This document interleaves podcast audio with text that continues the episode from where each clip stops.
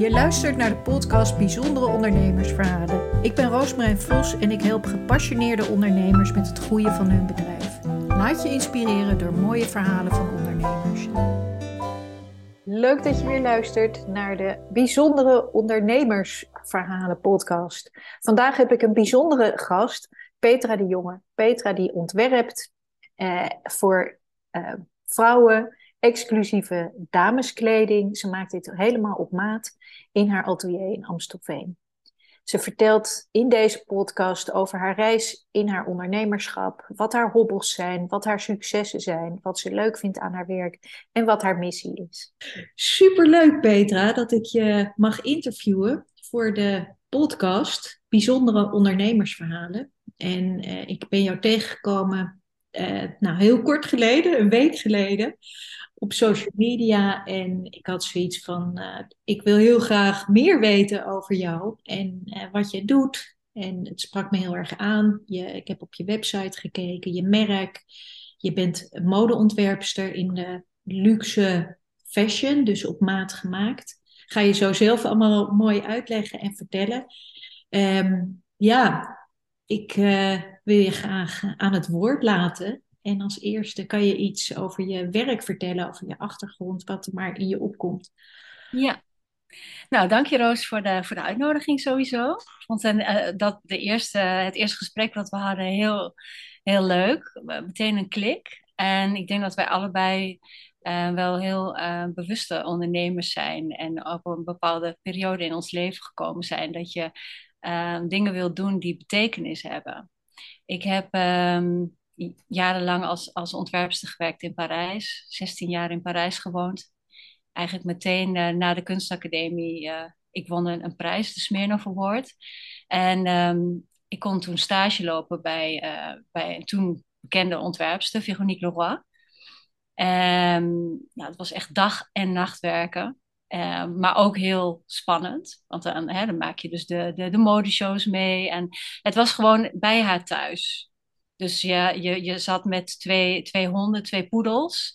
Uh, oh. Levalito en Johnny, van, van Johnny Holiday was hij, daar was hij naar genoemd. Oh, en ik, ja, ik werd meteen zeg maar, in het bad van het ontwerpersleven gegooid, want ik woonde ook in een huis met allemaal uh, ontwerpers van Marité, François Jubot, van uh, um, uh, Thierry Mugler, uh, van Martin Sidbon. En ja, ik, ik, ik kwam dan als laatste thuis en ging als eerste weer weg. Ja. En uh, nou, uiteindelijk ben ik door Parijs gaan lopen tijdens die stakingen, wat toen was, halverwege jaren negentig. En ik heb, had via mijn hoofddocenten in Arnhem gehoord dat ze iemand zochten bij Kenzo. Ik heb een interview gedaan daar en ik werd aangenomen. Wauw. Ja, dus dat was heel spannend.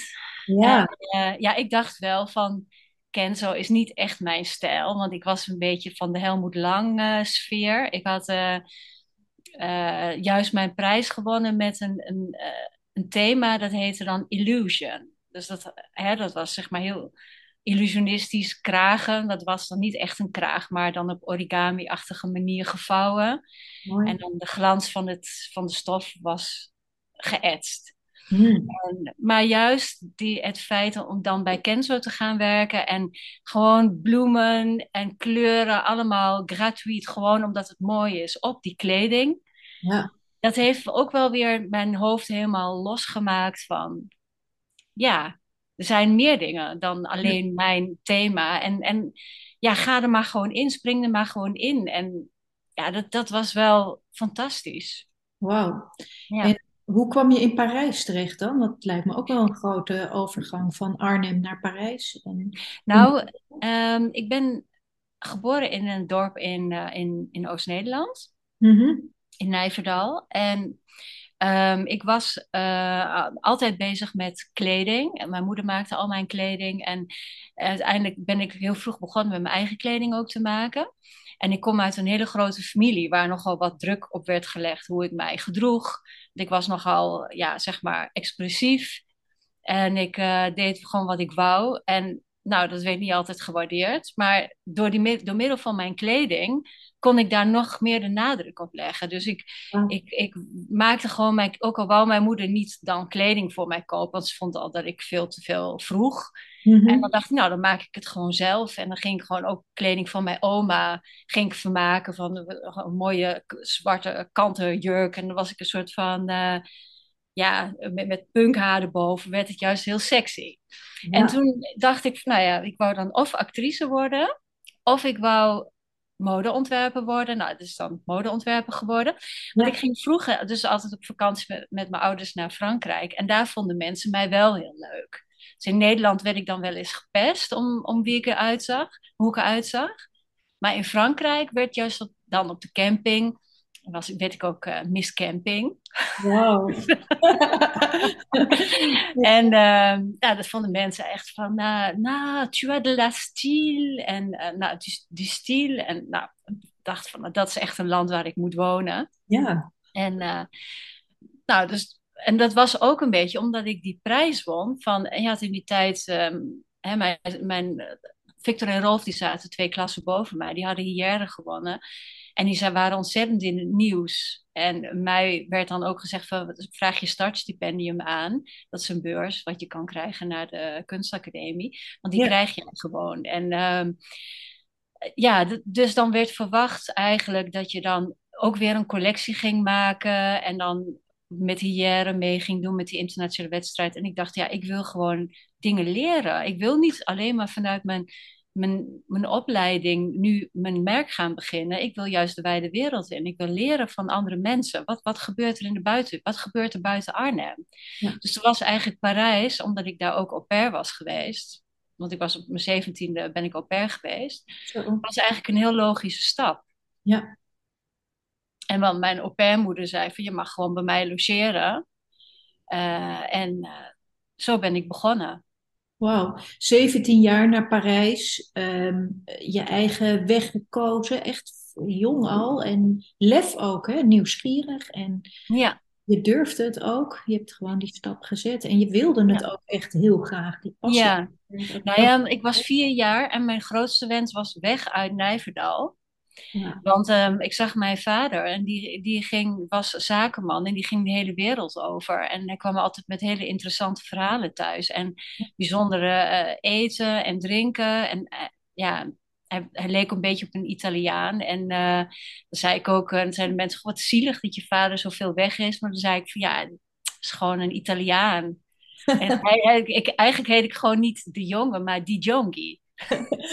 Heel veel fantasie. En, Ja, dus ik had echt zoiets, ik moet gewoon de wijde wereld, ik moet hier weg, want dit past niet bij mij.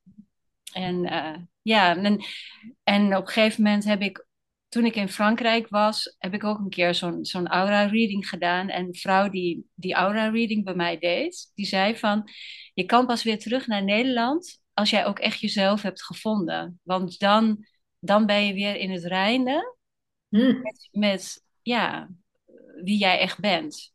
ja. Dus ik moest, ik moest dat echt doen om, om deze weg te kunnen gaan. En dat, dat kwam ook goed uit dat ze dat zei. dat Nou je- ja, het, het is sterker nog, ik, eh, ik wou heel graag weg uit Nijverdal, maar in Amsterdam heb ik de, de liefde van mijn leven ontmoet, die uit Nijverdal komt. Nou ja. En, Wat- en dat, is, eh, dat heeft mij ook helemaal laten reconciliëren eigenlijk met mijn, mijn achtergrond. Ik vind het helemaal oké en ik, ik omarm het zelfs. Wauw. En ik denk dat, dat daar ook mijn passie voor de natuur, ja, zeg maar echt, dat ik mijn inspiratie uit de natuur haal, dat komt ook vanuit mijn achtergrond. Ja. Want ik, ik liep altijd door de, door de weilanden en ik, en ik klom in de bomen en eh, ik was altijd te vinden, zeg maar, buiten. Ja.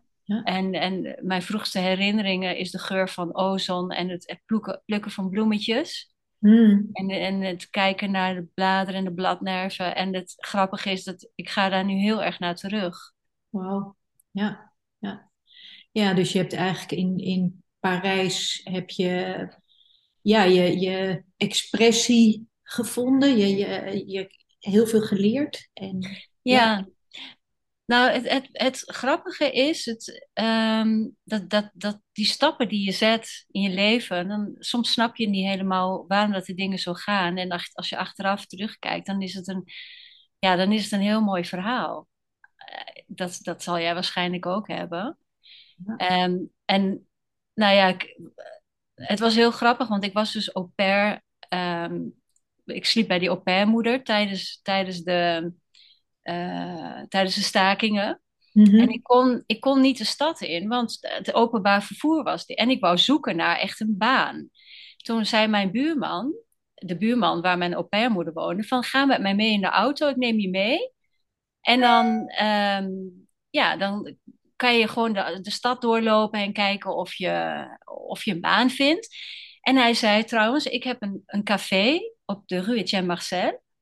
En dat café ga ik verkopen aan de eigenaar van Barbara Bouy. En hij zoekt nog een stylist. Nou ja, Maar ik zei van ja, ik ben net in gesprek met Kenzo. ja, Dus ja, ik, ik heb eigenlijk al, ik denk een baan. ja, En nou ja, op een gegeven moment, na, na vier jaar Kenzo, had ik, het, had ik het gehad daar. Want het was echt heel lastig in die LVMH, die groep. Heel veel gekonkel en Kenzo ging op dat moment net weg. Hm. En op een of andere manier hoorde ik, via via, dat ze iemand zochten bij Barbara Bouy. En toen ben ik bij Barbara Bouy terechtgekomen. Dus het ging echt soepel ook. eh. Het ging soepel. En ehm, wat het leuke was, want bij Kenzo leerde je heel erg veel over stofontwikkeling. Dus ik, je, als ontwerper moet je al je stoffen zelf maken of ontwikkelen. Alle prints maak je zelf. En toen ging dat nog echt met knippen van, van fotocopietjes. Tegenwoordig doe je alles met Photoshop. Maar dat was toen in het beginstadium. Ja. En je moest ook alle borduursels maken. En nou ja, dus de, de inspiratie was ook meer etnisch. Ja. En bij Barbara Bouy was, dan zei zij van, c'est quoi la dégaine? Wat is de attitude? Dus dan ging het echt over van de attitude van, ja, eh, schrijfsters, eh, poëzie. Wat, wat, wat, wat, eh, wat wil een min- minister? Wat wil iemand uit het theater? Wat, wat, wat wil zij voor uitstraling hebben? En nou, en ik werd, uiteindelijk werd ik benaderd door headhunters om naar het merk te gaan waar ik eigenlijk het liefste wou werken. Want ik studeerde af met een vrij conceptuele collectie. Mhm. En eh, toen zeiden mijn docenten, je zou eigenlijk moeten gaan werken bij Marité François Girbeau. Hm. Want dat, die zijn heel conceptueel bezig. En ik werkte bij Kenzo. En aan de andere kant van de straat, Rue Etienne Marcel, had je een winkel van Marité François Girbeau. Die, dat was een super... Nou, het was echt niet normaal. Ze hadden ook werk met kragen, wat, wat, waar ik mee bezig was geweest. De zakjes, de oplossing met laser. Dacht ik van, nou, dit is gewoon niet normaal. Ik moet hier werken. Dus ik stuurde ieder jaar, stuurde ik eh, sollicitatiebrieven, maar daar kwam nooit antwoord op.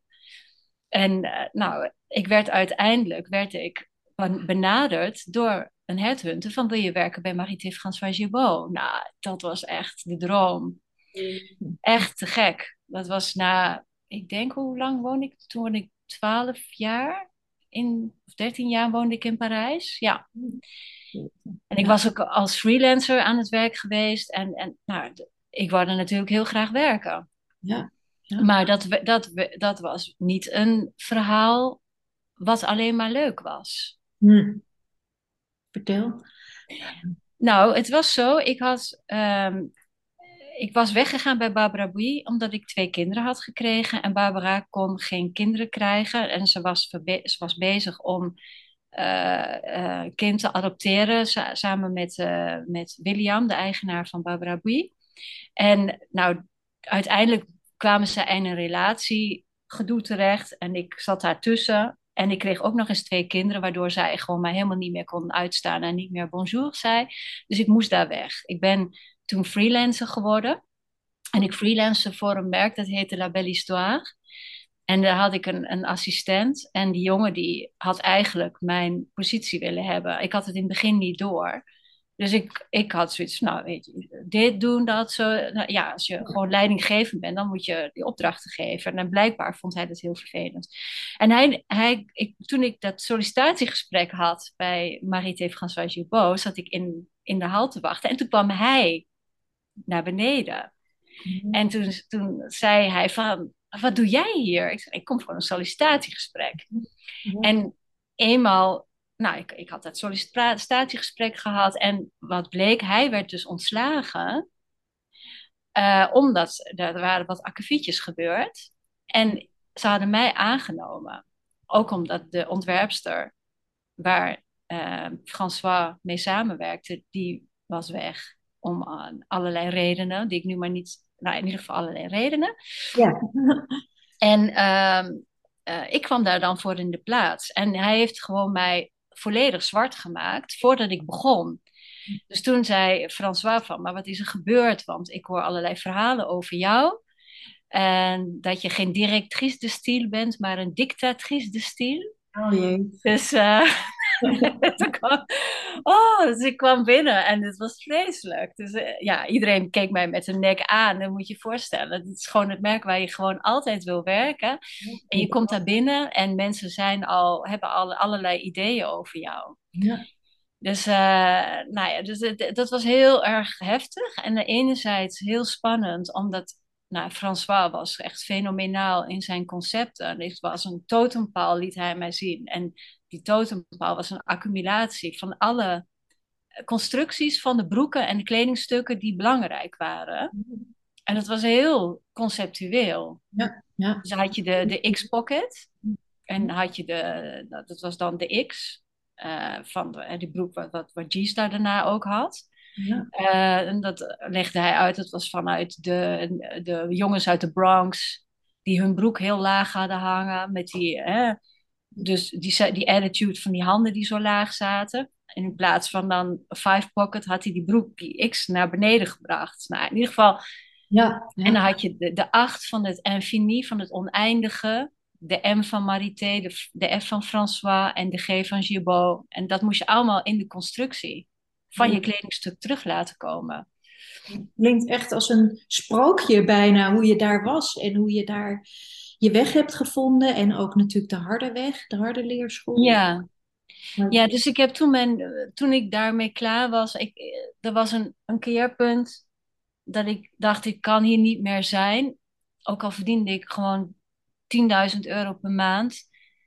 Ik werd, ik werd echt op een vreselijke manier te kakken gezet daar, aan plein publiek.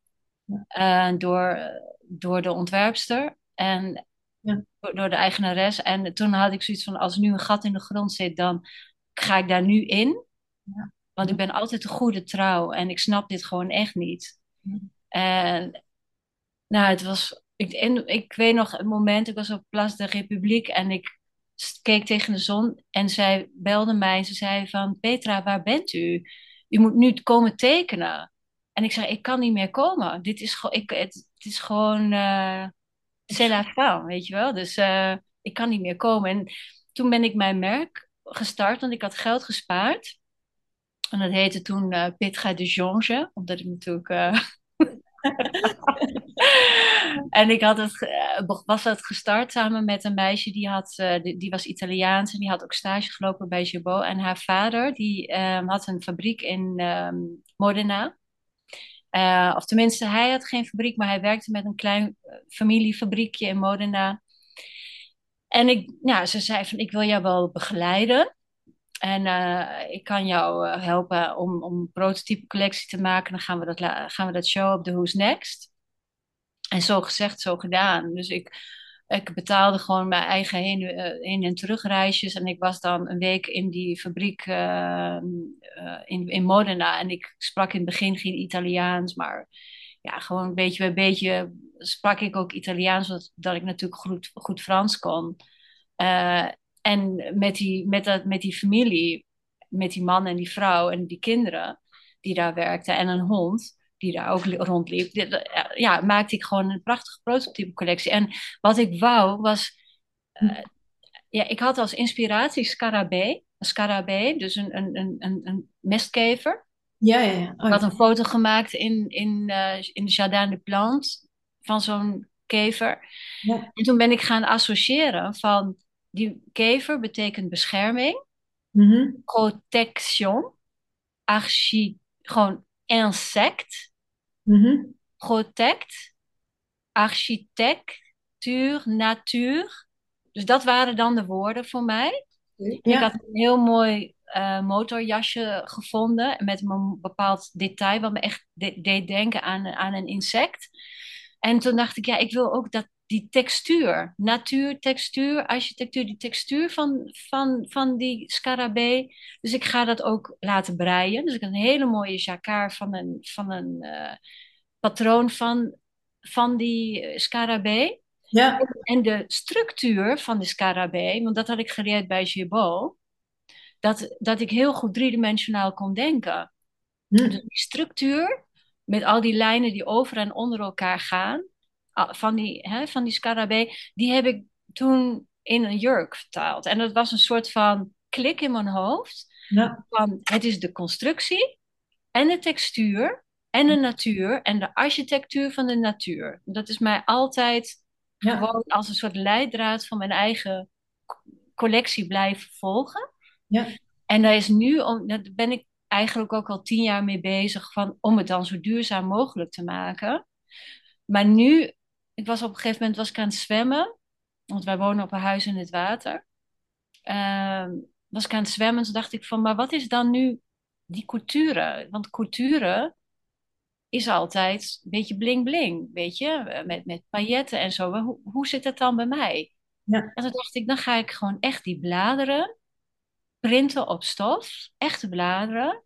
Nou, En dan ga ik die, dat blad echt als een constructie van het kledingstuk doen. Dat is dus geen bling bling, maar het is de tijd die gespendeerd wordt om iets heel moois en eigenlijk magisch te maken.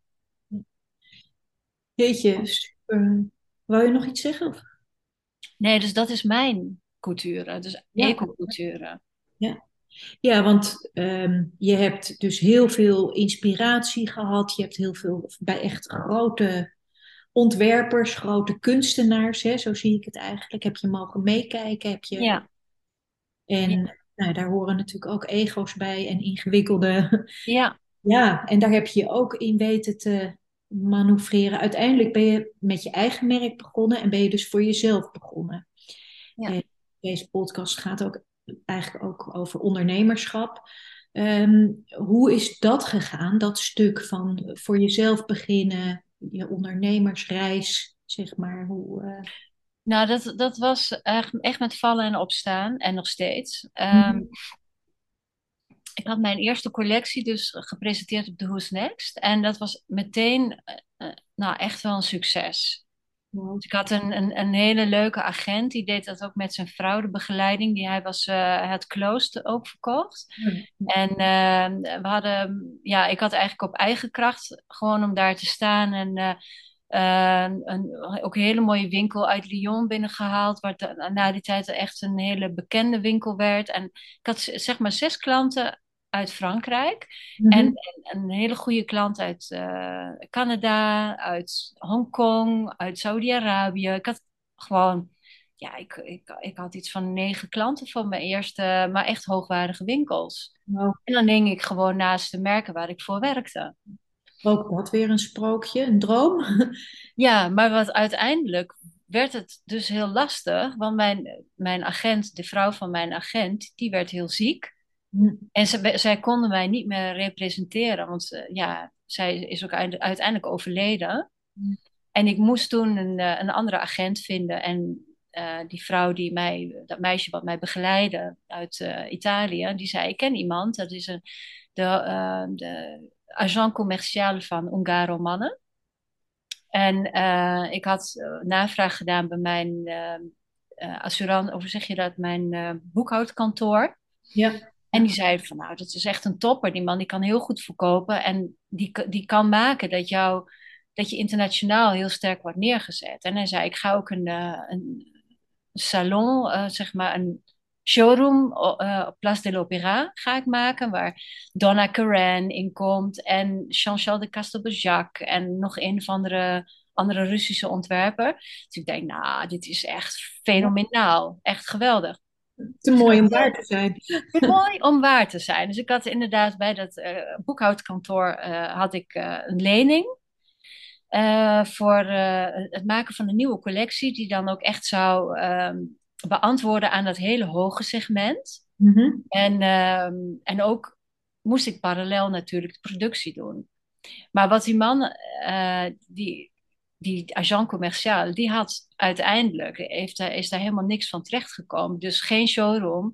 En, en, en eh, ja, uiteindelijk bleken die banden tussen, ehm, zeg maar, de, de maakster, de, Mhm. de, de, de productie, het productiekantoor en hem dat bleek steeds meer loesje te worden. Dat bleek uiteindelijk, bleek daar allemaal, nou ja, het, werd, ik, ik, ik hoorde ook over wapenhandel.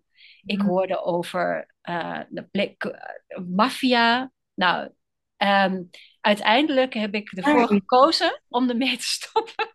Jeetje, wat een En echt met gierende banden naar Nederland te gaan. Mijn man, die had er helemaal genoeg van. Die zei, ik vind dit echt scary. Ja. Ik wil dat je hiermee kapt. Ja.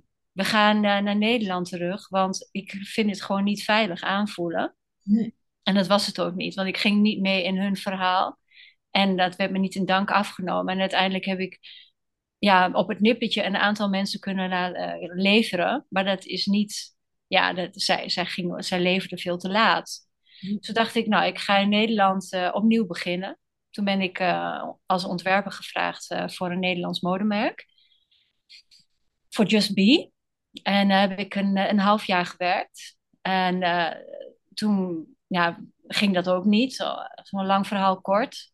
En dat klikte niet. En ik ben toen eh, weer gaan freelancen. Ehm, al mijn banden, zeg maar, met de Franse merken waar ik voor werkte en de, en de Duitse merken waar ik voor werkte, heb ik aangetrokken. En ben ik vanuit Nederland gaan freelancen. Nou, ik denk dat ik dat wel iets van zeven jaar heb gedaan of zo. En, en daarnaast ben ik ook mijn merk weer gaan. Want dat was het leuke van het freelance. Ik verdiende daar heel veel geld mee. Ja. En dan ja, heb ik ook verschillende pogingen nog gedaan om mijn merk te presenteren vanuit de, de modefabriek.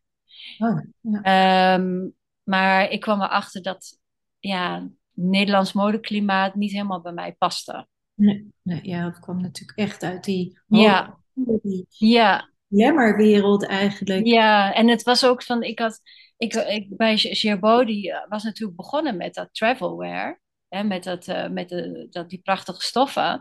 En eh, ik, ik wist heel goed hoe ik daar op een hele technische manier mee moest werken. En ineens zag ik dat die Nederlandse merken dat ook gingen doen, maar allemaal veel goedkoper. En de manier waarop ik dat wou doen, met ook lasercut en met, met ja, gewoon eh, interessante combinaties met breisels en Ja. ja, dat hadden mensen dat geld niet voor over. Terwijl, ja, ik investeerde natuurlijk best wel veel in de ontwikkeling van die nieuwe manieren om dan met die travel om te gaan.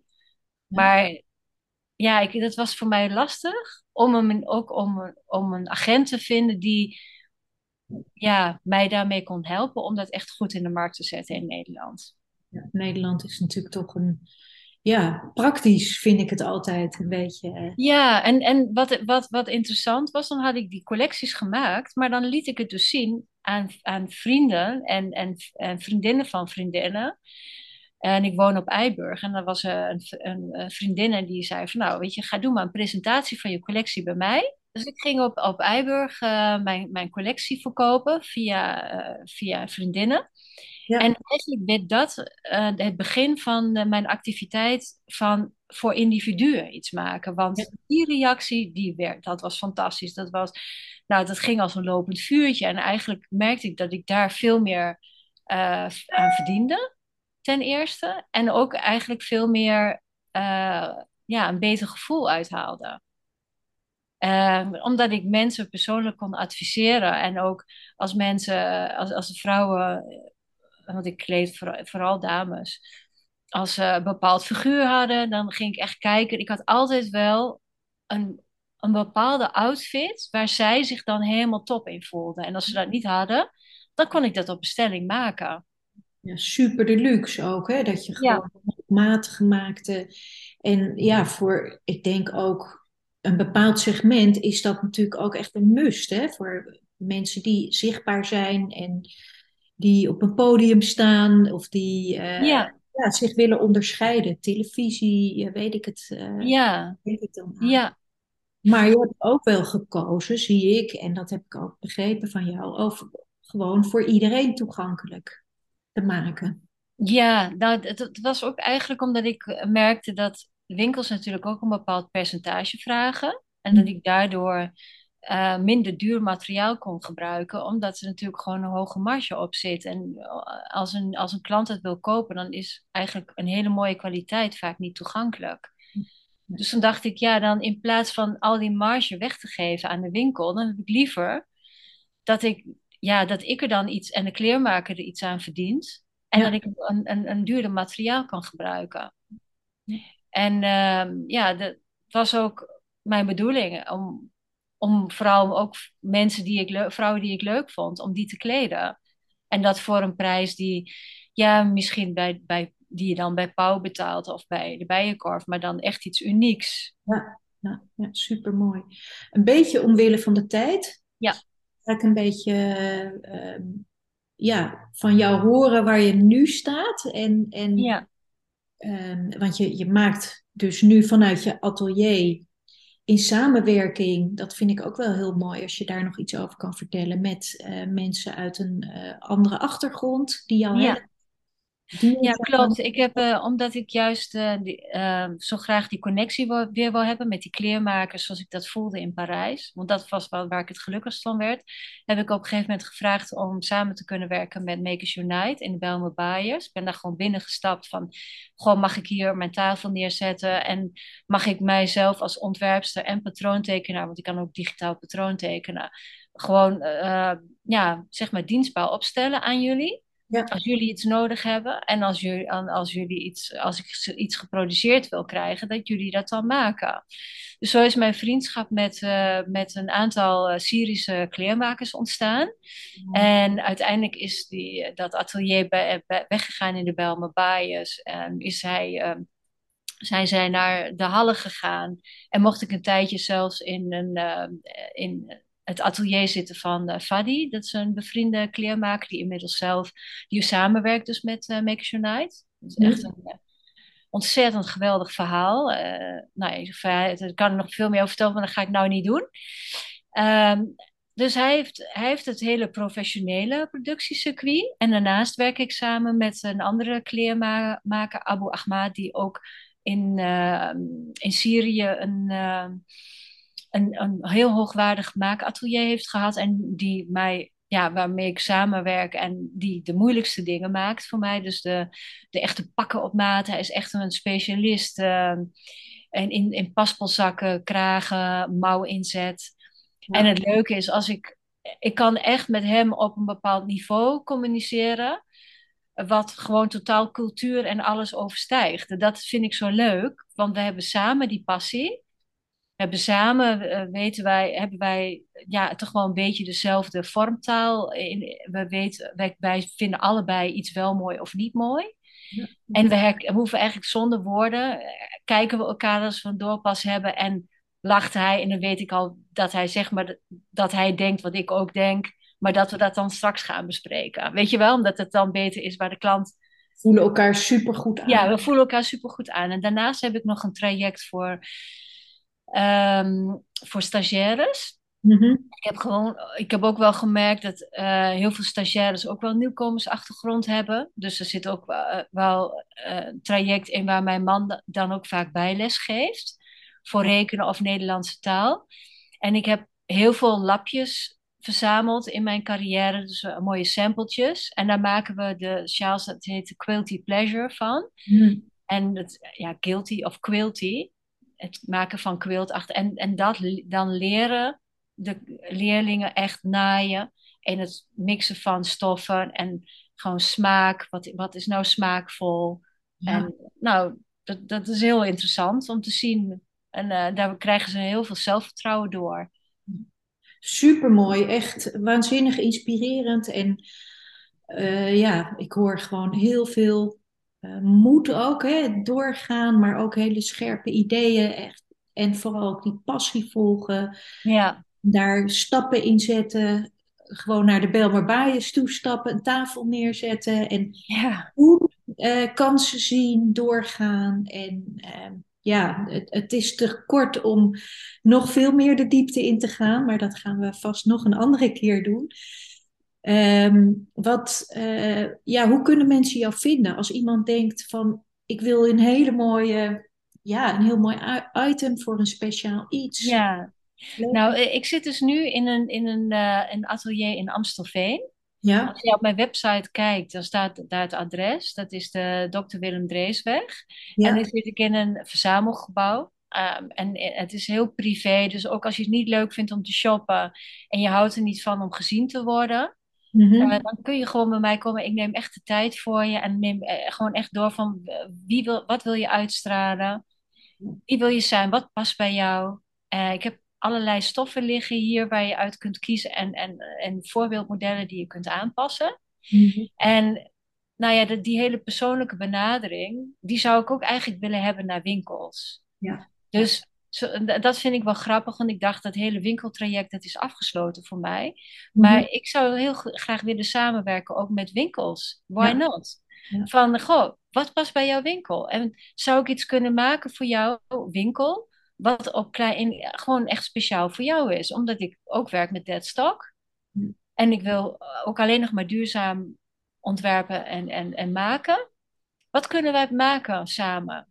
Super slim idee, want ik kom natuurlijk zelf uit de retail en Ja. winkel ook. En ik weet dat we altijd onderling ook een soort ja, concurrentiegevoel hadden van, oh, heeft die het ook? Eh, dan wil ik het niet of mag ik het exclusief hebben? Je wilt Ja. toch ook als winkel wil je je onderscheiden en wil je niet overal liggen, want je, ja, het is ook natuurlijk heel zwaar om een winkel te hebben en om Tuurlijk. klanten Ja. te vinden. En Ja. Dan moet je uniek zijn. Wil, wil je mensen naar je toe trekken? Ja, en, en ook, ja, dat, dat, eigenlijk staat de persoonlijke benadering staat centraal. En dat kan gaan van voor individuen, voor Mhm. modemerken, kan ik ook. Ja. Dus ik kan ook gewoon weet je, een mooi prototype in elkaar zetten voor jouw modemerk. En helpen om waar je het kunt laten produceren. Ik kan dus voor winkels iets maken. Maar ik zou het ook heel leuk vinden om bedrijfskleding te maken. Want dat is ook heel persoonlijk. Wel, een hotel of oh, ja, ik noem maar wat, iemand aan de balie. Ja. Dat is ook maatwerk. We hebben nu, eh, ga ik investeren, of tenminste, ik kan al een 3D-scan maken van iemand. Ja, ja. Ehm, en ik, ja, dus het, eh, nou ja, dat. Ja, super. En nog heel veel mogelijk. En ook bezoeken, denk ik. En weet je, alles is het ondernemerschap. eh, ja, is ook vallen en opstaan en jezelf weer opnieuw uitvinden. En ehm, ja, wat, wat, eh, waar kunnen mensen jou vinden? Welke, wat is de naam van je website? Petra de Jonge, streepje store.nl. Petra de Jonge, streepje store.nl. Ja. Kunnen met jou een afspraak maken. Ze kunnen, eh, ja, gewoon, eh, ja. En ook mooi om dit voor op langere termijn voor jezelf lijkt me te kopen of daaraan te denken dat je niet denkt van nou, ik heb het nu nodig, maar dat je ook denkt van nou ja, misschien voor een volgende kerst of eh, weet je dat je iets, dat duurt nog wel heel lang, maar of een bruiloft, denk ik ook. Of, Ja, er zijn veel, ik krijg veel mensen die, of veel dames vooral, dan die iets willen aanschaffen voor een belangrijk moment in hun leven. Dus het kan zijn voor eh, een huwelijk, inderdaad, dat je bruid bent en maar geen cliché-bruid wil zijn, dus met een heel persoonlijk verhaal. Of je bent moeder van een bruid of bruidegom. Ja. Of je doet een pitch, bijvoorbeeld als je voor TED eh, Talks eh, iets gaat doen.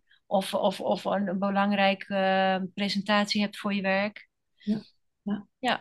Super mooi. Ja, nou, dankjewel voor het delen van je prachtige verhaal. En eh, ja, ik hoop dat er mensen geïnspireerd zijn, dat weet ik wel zeker. En Dankjewel voor de uitnodiging. ja, heel hoop dat ik niet te veel heb gepraat. Nee, het is juist heel mooi en leuk. En, eh, ja. ja, succes met alles en je volgende dromen waarmaken. ja, dankjewel Roos.